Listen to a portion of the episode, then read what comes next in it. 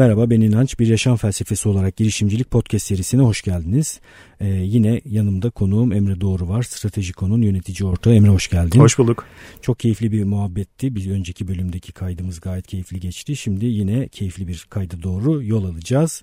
Ee, İnançayar.com podcast sekmesinden e, ele aldığımız kitaplara, linklere ulaşabilirsiniz. İnançetfekritesat.com'a e-posta gönderebilirsiniz. Soru sorabilirsiniz. Yine standart bir başlangıç yaptım. Şimdi ne konuşacağız?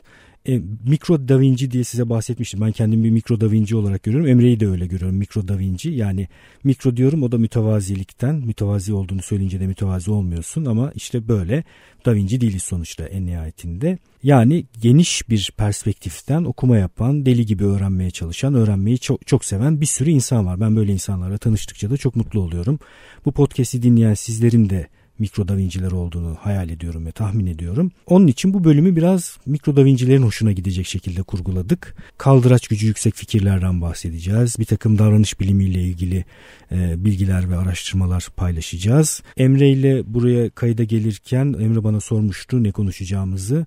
Ben de valla bayağı spontan bir şekilde devam ederiz. Sadece çerçeve belirleriz demiştim. Sağ olsun o da buna uydu. Böyle spontan bir şekilde ne konuşacağımızın hepsini biz de bilmeden konuşmaya başlayacağız. Sen kayda başlamadan önce bir hikaye hikayeyle başlayayım dedin Emre. Ben hikayeleri çok seven biri olarak hemen senin hikayenle başlamak istiyorum. Kariyerime başladığımda bir e, politik risk analiz şirketinde çalışıyordum Amerika merkezli. E, yani temel olarak yaptığım şey Avrasya bölgesinde ve Orta Doğu bölgesinde yaşanan e, siyasi ve ekonomik olayları takip etmek ve bunu e, dünyanın birçok yerindeki e, müşterilere raporlamak bir analiz olarak e, onlara sunmaktı. Onlar da buna göre kendi yapacakları kararları alıyorlardı. Aslında çok geliştirici bir iş bu arada. Yani yaparken heyecan verici bir tarih kesinlikle, var. Kesinlikle çok heyecanlıydı. Daha da heyecanlı olan kısmı bunu Arap Baharı döneminde yapmaktı. E, hem heyecanlı hem uykusuz e, günlerdi tabii ki. E, ve e, tabii ki o dönemde olan bitenleri çok yakından takip ediyoruz. İşte isimler, kişiler, olaylar böyle günlük bazda inanılmaz bir enformasyon e, yığını var üzerimizde ve bunları işte bir araya getirip aralarındaki ilişkileri kurup e, bir sonuca varmaya ve insanlara e, rapor yazmaya çalışıyoruz. Ben de sonuçta oradaki e, yeni başlayanlardan birisiyim ve Orta Doğu bölgesine bakıyordum. O sırada Amerika'daydım. Hatta Şükran günüydü hiç unutmuyorum. Bir arkadaşımın evine davetliydim işte onların ailesiyle böyle bir yemek yedik. Hindi, hindi mi yediniz? Evet, evet ve çok da ilginç Bu... şekilde pişiriyorlar bazı aileler orada. Çok enteresan Nasim Taleb'i sen de okuyorsun evet. biliyorum. Nasim Taleb'in hindilerle ilgili bir benzetmesi vardır değil mi? Evet. Yani e, her gün gayet güzel bir şekilde beslenen evet. bir hindi için sorduğunuzda Hı. o günlerde hayatının harika olduğunu söyleyecektir evet. size. Hemen hemen her günü de harikadır bir Hı. hindi için. Ta ki hangi güne kadar kesildiği güne, güne kadar. kadar. Evet. Bunu da Siyah Kuğu'da bir örnek olarak veriyor. Evet. Yani bir takım serilerin e, belli noktalarına bakarak serinin tamamı ile ilgili karar vermemek gerekir diyor. Hı. Hindinin hayatına bakarak da bunu örneklendiriyor. Evet bu arada e, bir parantez açayım ben de. Taleb'le Daniel Kahneman'ın 2002 yılında Nobel Ekonomi Ödülü almış ve e, birazdan da sanıyorum üzerinde konuşacağımız e, Kahneman'ın bir şeyi var. E, tartışması var. Bir üniversitede yapılıyor. Yan yana oturmuşlar. Kahneman da ona diyor ki Talep için e, yani sen diyor bu hindi örneğini veriyorsun ve bunu da olumsuz bir durummuş gibi aktarıyorsun ama aslında hindinin açısından baktığın zaman bir sene gayet güzel bir hayat yaşadı e, ve hiçbir belirsizlik ve anksiyete olmadan da ve başına böyle bir şey geleceğini bilmeden de yaşadı. Dolayısıyla hindi açısından baktığımızda çok da bir sorun yok diyor. E, onda öyle bir karşı argümanı var. E, Buna bir cevap vermedi mi Talep? Ben izlemedim bu yok, söyleşi. E, yok vermedi. İyi, güzel, e, güzelmiş. Güzel bir tartışma ama tavsiye ederim. E, şimdi o Şükran Günü e, sırasında e, şöyle bir durum da vardı. E, bir yandan da e, Libya bombalanıyordu. Daha Kaddafi e, görevde kalmaya çalıştığı dönemlerdi. Hı hı. E, ve biz böyle iki şehir arasında e, arabayla seyahat ederken e, bize şu haber geldi. E, Kaddafi düştü haberi geldi ve hemen tabii ki biz işte böyle bir yerlere çekip e, Teksas'ta bir çölün kenarında bir McDonald's'a çekip e, 8 saatimiz orada geçirdik. Ve işte raporlarımızı yazdık vesaire. Sonra ben bir süre sonra bu olay üzerine düşünmeye başladım. Niye biz bu McDonald's'ta 8 saatimizi geliştirdik? Çünkü e, bizden beklenen şeylerden birisi bu, o güne kadar olan verileri takip edip bunu öngörebiliyor olmaktı. Hı hı. Yani ve e, müşterilere onları e, bir öngörü raporu olarak verebiliyor olmaktı ve biz bunu öngörememiştik. Evet. Ben de şunu düşündüm. Çok da kolay da bir şey değil yani. Değil. Ee, Tam taleplik şu... bir şey. Nasıl taleplik bir olay bu arada yani. Kesinlikle. Ama e, şunu düşündüm. Eğer biz bu kadar hani olayları yakından takip eden insanlar olarak bunu öngöremiyorsak böyle bir şeyi öngörmek mümkün mü? Ee, sorusunu kendime sorarak. Çok güzel bir e, soru. İşte bilişsel e, düşünce yöntemleri, e, ön yargılar, e, inançlar vesaire gibi konular üzerine e, elime ne geçerse okumaya başladım ve e, işte seninle de ortak okuduğumuz kitaplar, takip ettiğimiz bloglarla da tanışmam e, bu şekilde ortaya çıktı. Bu arada e, tabii şunu da bir dipnot olarak düşmek lazım. Bugün işte geri dönüp baktığımızda dünyadaki birçok olayı aslında işte e, büyük istihbarat örgütleri bile e, öngörememiş durumdalar. Yani işte Sovyetler Birliği'nin çöküşünü mesela kimse öngöremiyordu. E, ya da İran İslam devrimini öngöremediler. Hatta bu konuyla ilgili açıklanmış eski CIA raporları da var. Yani bakıldığı zaman bir e, devrim ihtimalinin olmadığını e, söyleyen raporlar var. Dolayısıyla hani malumatın kendisi e, bir öngörüye, bir bilgiye dönüşmeyebiliyor. E, o nedenle dediğin gibi çok zor bir durum. Ama... Bunlara şey deniyor bu arada değil mi? Wicked Problem diye bir grup var. Yani mesela küresel e, ısınma böyle bir problem. Kime ne diyeceksin de bunu halledeceksin belli değil. değil. Aşırı kompleks. Öngörülmesi mümkün değil. E, çok da kolay değil. Unutma söyleyeceğini ben yine de öngörmeye çalışmanın bir değeri olduğunu düşünüyorum bu arada. Muhtemelen sen de öyle düşünüyorsun. Kesinlikle. Yani hiç bir şey bu konuda bir şey yapmayan birine kadar birine göre hata bu bu konuda hata yapmak bile bir lüks öyle söyleyeyim. Hı hı. Yani diğer taraf hiçbir şey yapmıyor çünkü. Kesinlikle. Ee, öngörmek e, evet zaman çok zor zaman zaman da mümkün değil ama öngörme egzersizi evet. e, gerçekten e, çok önemli. Super Forecasting kitabında e, öngörüyle ilgili e, güzel bir araştırma var. E, orada da bundan bahsediyor. Aslında orada ortaya çıkan temel e, konulardan birisi, temel e, sonuçlardan birisi e, hani böyle kamuoyunda uzman olarak bildiğimiz e, işte belli konularda e, böyle çok spesifik bilgiye sahip olan insanların aslında sanıldığının aksine o konuyla ilgili öngörüde bulunmalarının e, çok daha zor olduğu Körlükler hatta, var çünkü bir evet, takım. hatta sıradan insanlara göre bile daha zor olduğu. Adam Grant'ın da böyle göre. bir araştırması var bu arada. Uzmanlığın köreltici olduğunu söylüyor. Hı-hı. Sirk numarası yapan aktörler, aktrisler e, bir takım işte sirk numaralarını gösteriyorlar sirk yöneticilerine. En kötü fikirleri verenler onlar. Bu konuda Hı-hı. iyi değiller çünkü körlükleri var. Evet. E, dolayısıyla bu e, hani düşünce yöntemleri, kendi düşünce süreçlerimizi nasıl algılayabiliriz? Orada çoğunlukla farkında olmadan bilinçsiz olarak yaptığımız hataları, bize doğru kararlar vermemize engel olan, doğru öngörülerde bulunmamıza engel olan bilişsel süreçlerin önüne nasıl geçebiliriz? Yani bu konuyla ilgili e, bayağı bir e, literatürü taramaya gayret ettim. Hala da ediyorum. Değil mi? Ee, e, şöyle hatta e, insanın rasyonel olduğu varsayımına dayalı olan bir sürü e, evet. yapı çökmüş durumda. Çökmüş durumda. Rasyonel, rasyonel değil çünkü insan. Evet. Ve aslında bu rasyonel olma belki rasyonel olmayı da bir kısaca açıklamak gerekir. Hı. Hani çok kullanılan ama bazen Hı. yanlış anlaşılabilen kavramlar oluyor. Aslında rasyonelden kastımız insanların belirli bir hedefi vardır. Çok kesin bir hedefi vardır. E, bu hedefe gitmek için de kaynaklarını en etkin şekilde kendi çıkarlarını maksimize etmek için kullanırlar. Temel varsayım bu ve aslında bugün... E, Buna hayır diyorum ben. e, bugün içinde yaşadığımız dünyadaki ekonomik sistem de aslında temelde bu varsayım üzerine kurulu. Yani insanların rasyonel karar alıcılar oldukları varsayım üzerine kurulu neoklasik ekonomi. Fakat e, önce 2002 yılında az önce e, ismini zikrettiğimiz Daniel Kahneman'ın Nobel Ekonomi Ödülü alması, geçtiğimiz yılda Richard Taller'ın Nobel Ekonomi Ödülü almasıyla beraber bu neoklasik paradigma yıkılıyor gibi görünüyor. Neden? Bayağı da temiz araştırmalar yaparak hem çok, değil mi? Çok çok, çok e, gerçekten önemli araştırmalar bunlar. Bu arada Daniel Kahneman e, psikolog olup aslında psikoloji alanında bir bilim adamı olup ekonomi e, ekonomi ödülünü alan ilk kişidir. E, dolayısıyla onun e, yaptığı e, katkı gerçekten çok önemli. Orada e, şöyle bir katkı yapıyor aslında bakarsanız. Davranış bilimlerini ekonomiye ve iş dünyasına taşımak üzere bir çalışması var, bir teorisi var. Davranışçı ekonomi diye de bir alan. Evet, davranışsal ekonomi. Ee, ve e, kitabında da Hızlı ve Yavaş Düşünmek kitabında da temel olarak iki tane e, konudan bahsediyor. O da şu, e, insan beyni iki şekilde çalışır. Sistem 1 ve sistem 2 dediğimiz e, şekilde çalışır. Sistem 1 dediğimiz şey aslında işte içgüdüsel olarak e, fazla düşünmeden işte şu ana kadar yaptığımız e, edindiğimiz tecrübelerden yola çıkarak çok anlık olarak verdiğimiz kararlar. İşte araba kullanmak böyle bir şeydir. Yani her seferinde acaba şu dikiz aynasına baksam mı bakmasam mı işte bunun bana faydası ne olur diye düşünmüyoruz. İşte bakıyoruz ki e, yan şeritteki birisine çarpmayalım. E, sistem 2 ise e, düşünmeyi yavaşlattığımız böyle biraz daha hesaplı kitaplı düşünmeye başladığımız e, işte hedeflerimizi ona göre kullanacağımız kaynakları düşünmeye başladığımız e, düşünce yöntemi. Çok, ve çok zor bir düşünce biçimi. Çok zor.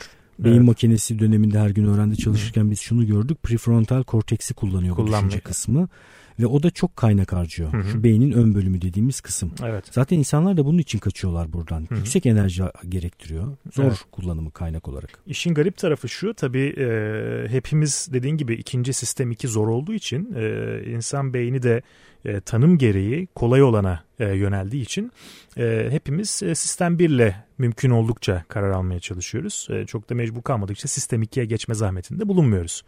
E, ve tabii sistem 1'de karar alıyor olmamız da zaman zaman bize e, yanlış kararlar almamızı e, neden olabiliyor. E, bu işte bir satın alma olabilir, e, şirkette alacağımız bir karar olabilir, e, insan ilişkilerimizde olabilir. Birçok şekilde oluyor. Bu teoriyi biraz daha geliştiren ve 2017 yılında e, Nobel Ekonomi Ödülünü alan Richard Thaler da e, aslında e, davranışsal ekonomiyi bir adım e, da öteye taşıyarak peki insanların e, rasyonel olmadan da karar aldıklarını biliyoruz. Peki bunun için ne yapabiliriz? E, gibi bir fikirle ortaya çıkıyor aslına bakarsanız ve Nudge Türkiye'de Türkçe'de dürtme olarak evet. e, çek, e, çevrilmiş kitabı yazıyor. E, buradaki temel fikir de şu e, sonuçta hepimiz e, işte çevremizde gördüğümüz şartlardan, e, işte e, etkenlerden yola çıkarak bazı kararlar alıyoruz. Dolayısıyla insanların yaşadıkları ve karar aldıkları ortamlara ufak tefek müdahaleler yapabilirsek e, onların daha iyi kararlar almasını sağlayabiliriz. Sistemi hacklemeye çalışıyoruz yani. Evet, insanların e, sistemini hacklemeye çalışıyoruz.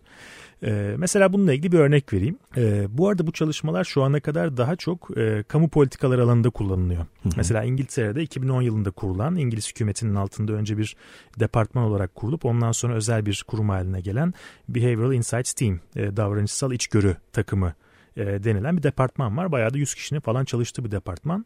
E, bu arada Türkiye'de de Ekonomi Bakanlığı ile şu anda proje başlattılar. O çok iyi. Evet yani kamu politikaları alanında kullanılıyor. E, buradaki amaç şu e, özellikle vatandaşların doğru kararlar almalarını ve böylece kamunun işte tasarruf etmesini sağlayabilecek dürtmeler geliştirebilir miyiz? Şöyle bir örnek vereyim şeyde e, or, e, İngiltere'de Londra'daki mahallelerden birinde işte insanlara e, isimlerine yazılı mektup gönderiyorlar ve diyorlar ki e, mahallenizdeki komşularınızın %72'si e, çoktan çöp vergisini ödedi. Ve şunu görüyorlar, e, insanların büyük bir çoğunluğu bu mektubu alır almaz e, gidiyor ve çöp vergisini ödüyor. Neden?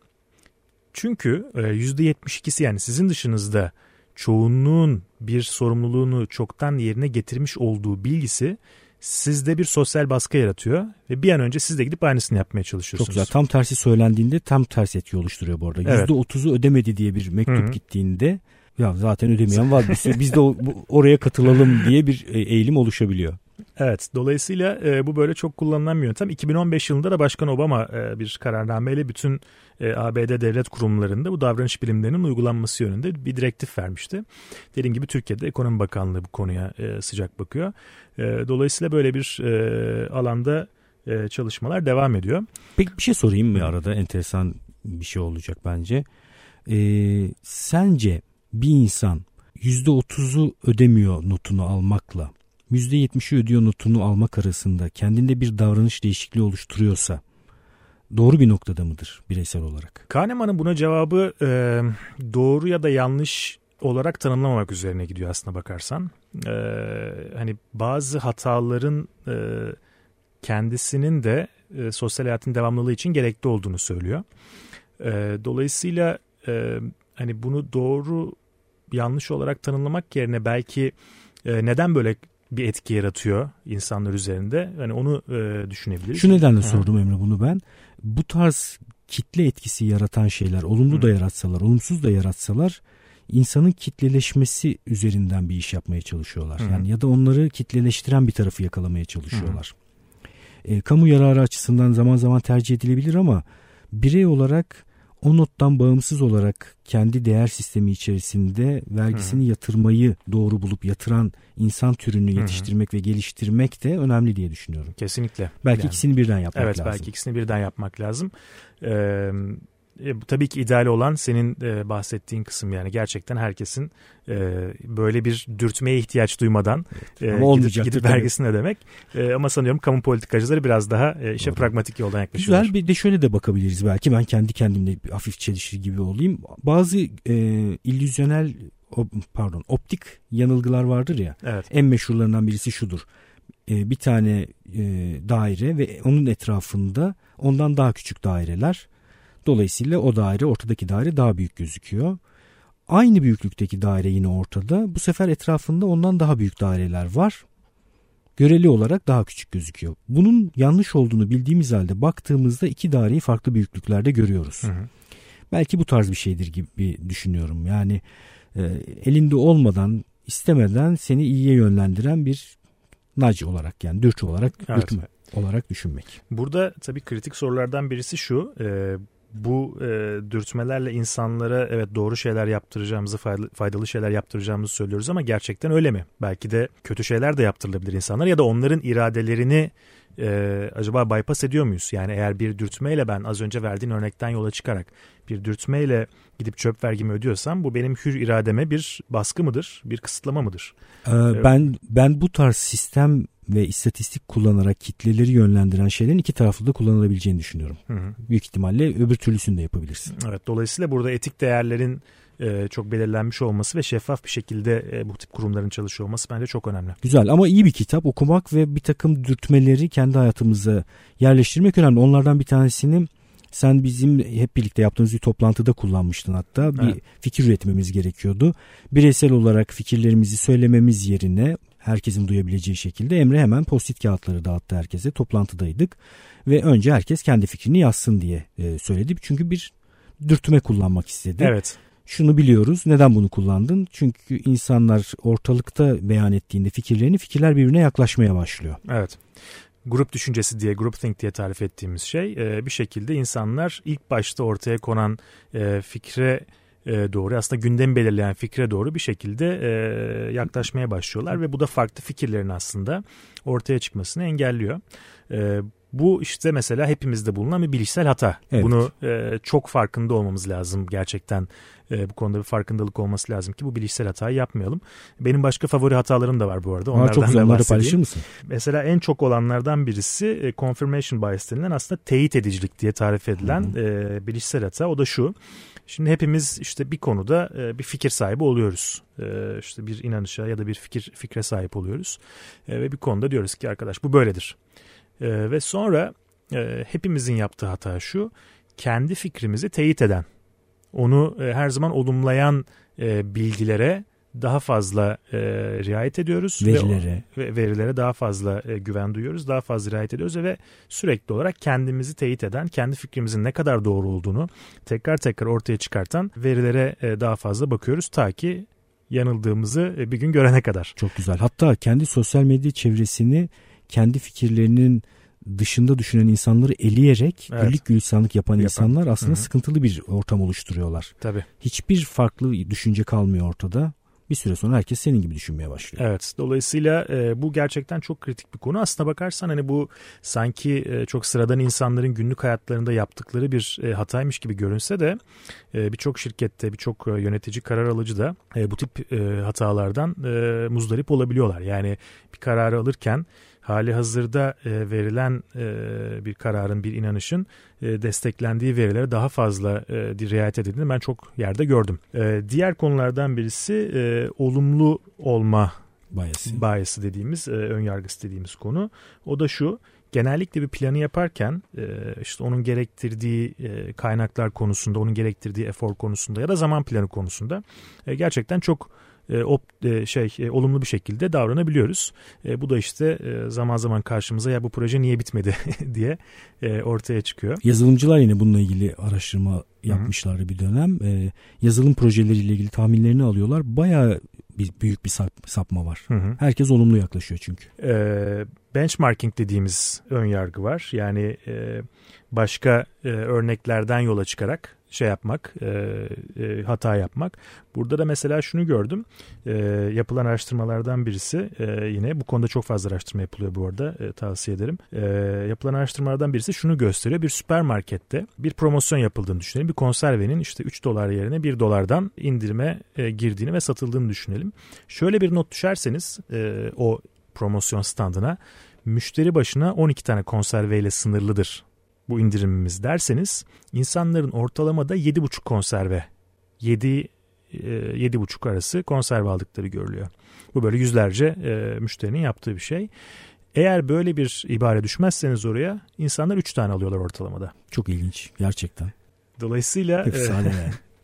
E, dolayısıyla burada da e, tabii kısıtlı olma yani kıtlık e, diye bahsettiğimiz e, şey. Zaten hani birçok satışta bunu görürsünüz. Tabii, hani size tabii. bir şey satmak istedikleri zaman hemen e, bu bitiyor gidiyor başkası Cialdini'nin bir şeyler söyler. e, İknanın Psikolojisi kitabında da aldığı temel ilkelerden bir tanesi bu kıtlık ilkesi. Evet. Dolayısıyla bütün, bu aslında ön yargıların farkında olmak e, bunları da bir şekilde elimizden geldiğince e, Gidermeye çalışmak gidermeye için, çalışmak için ve daha doğru kararlar almak için ben iyi bir adım olduğunu düşünüyorum. Çok teşekkürler. Rica çok ederim. değerli bilgiler paylaştın. Ee, benim için çok keyifli geçti. Belki ilerleyen dönemlerde yine seninle bir podcast daha kaydederiz. Memnuniyetle. Bizi dinlediğiniz için teşekkürler. Ee, podcast ile ilgili sormak istediğiniz şeyleri inancetfikirtesat.com'a e-posta atarak sorabilirsiniz. Bu podcast'i kapattıktan sonra bir ara atarım diye düşünürseniz onu atmayacağınızı da bilin. Onu onun için hemen şimdi atmanız gerekiyor. Fikirlerinizden bahsedebilirsiniz. Hikayelerinizi paylaşabilirsiniz. Podcast'te paylaşılmasını istediğiniz hikayelerinizi. Görüşmek üzere.